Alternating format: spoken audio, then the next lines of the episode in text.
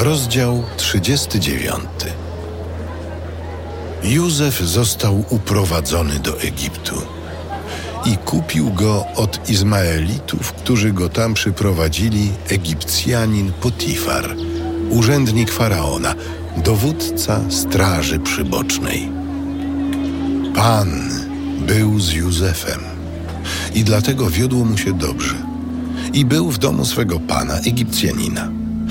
Ten jego pan spostrzegł, że Pan jest z Józefem i sprawia, iż mu się dobrze wiedzie we wszystkim, cokolwiek czyni. Darzył więc on Józefa życzliwością, tak, że przydzielił go sobie do usług. Uczynił go zarządcą swego domu, oddawszy mu we władanie cały swój majątek. A odkąd go ustanowił zarządcą swego domu i swojego majątku, Pan błogosławił domowi tego Egipcjanina przez wzgląd na Józefa. I tak spoczęło błogosławieństwo Pana na wszystkim, co Potifar posiadał w domu i w polu. A powierzywszy cały majątek Józefowi, nie troszczył się już przy nim o nic, tylko o to, aby miał takie pokarmy, jakie zwykł jadać. Józef miał piękną postać i miłą powierzchowność. Po tych wydarzeniach zwróciła na niego uwagę żona jego pana i rzekła do niego: Połóż się ze mną.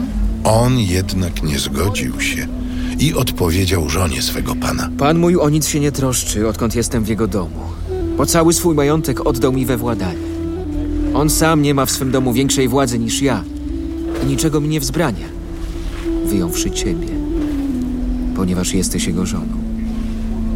Jakże więc mógłbym popełnić tak wielką niegodziwość i zgrzeszyć przeciwko Bogu? I mimo, że go namawiała codziennie, nie usłuchał jej i nie chciał położyć się przy niej, aby z nią współżyć. Pewnego dnia, gdy wszedł do domu, aby spełniać swe obowiązki i nie było tam nikogo z domowników, uchwyciła go ona za płaszcz i powiedziała: Połóż się ze mną. Lecz on zostawił płaszcz w jej rękach i wybiegł na dwór. A wtedy ona, widząc, że zostawił swój płaszcz i że wybiegł na dwór, zawołała domowników i powiedziała im tak. Patrzcie, sprowadzono do nas tego Hebrajczyka, a on chce tu u nas swawolić.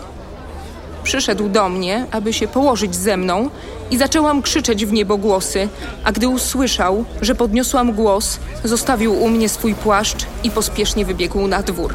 I zatrzymała jego płaszcz u siebie, aż przyszedł pan Józefa do domu. Tak mu opowiedziała o tym zajściu. Ów sługa, Hebrajczyk, którego do nas sprowadziłeś, wszedł do mnie, aby ze mną swawolić. A gdy zaczęłam krzyczeć, zostawił u mnie swój płaszcz i uciekł z domu. Kiedy pan jego usłyszał te słowa swej żony, która mu powiedziała, Tak postąpił ze mną twój sługa. zapałał wielkim gniewem.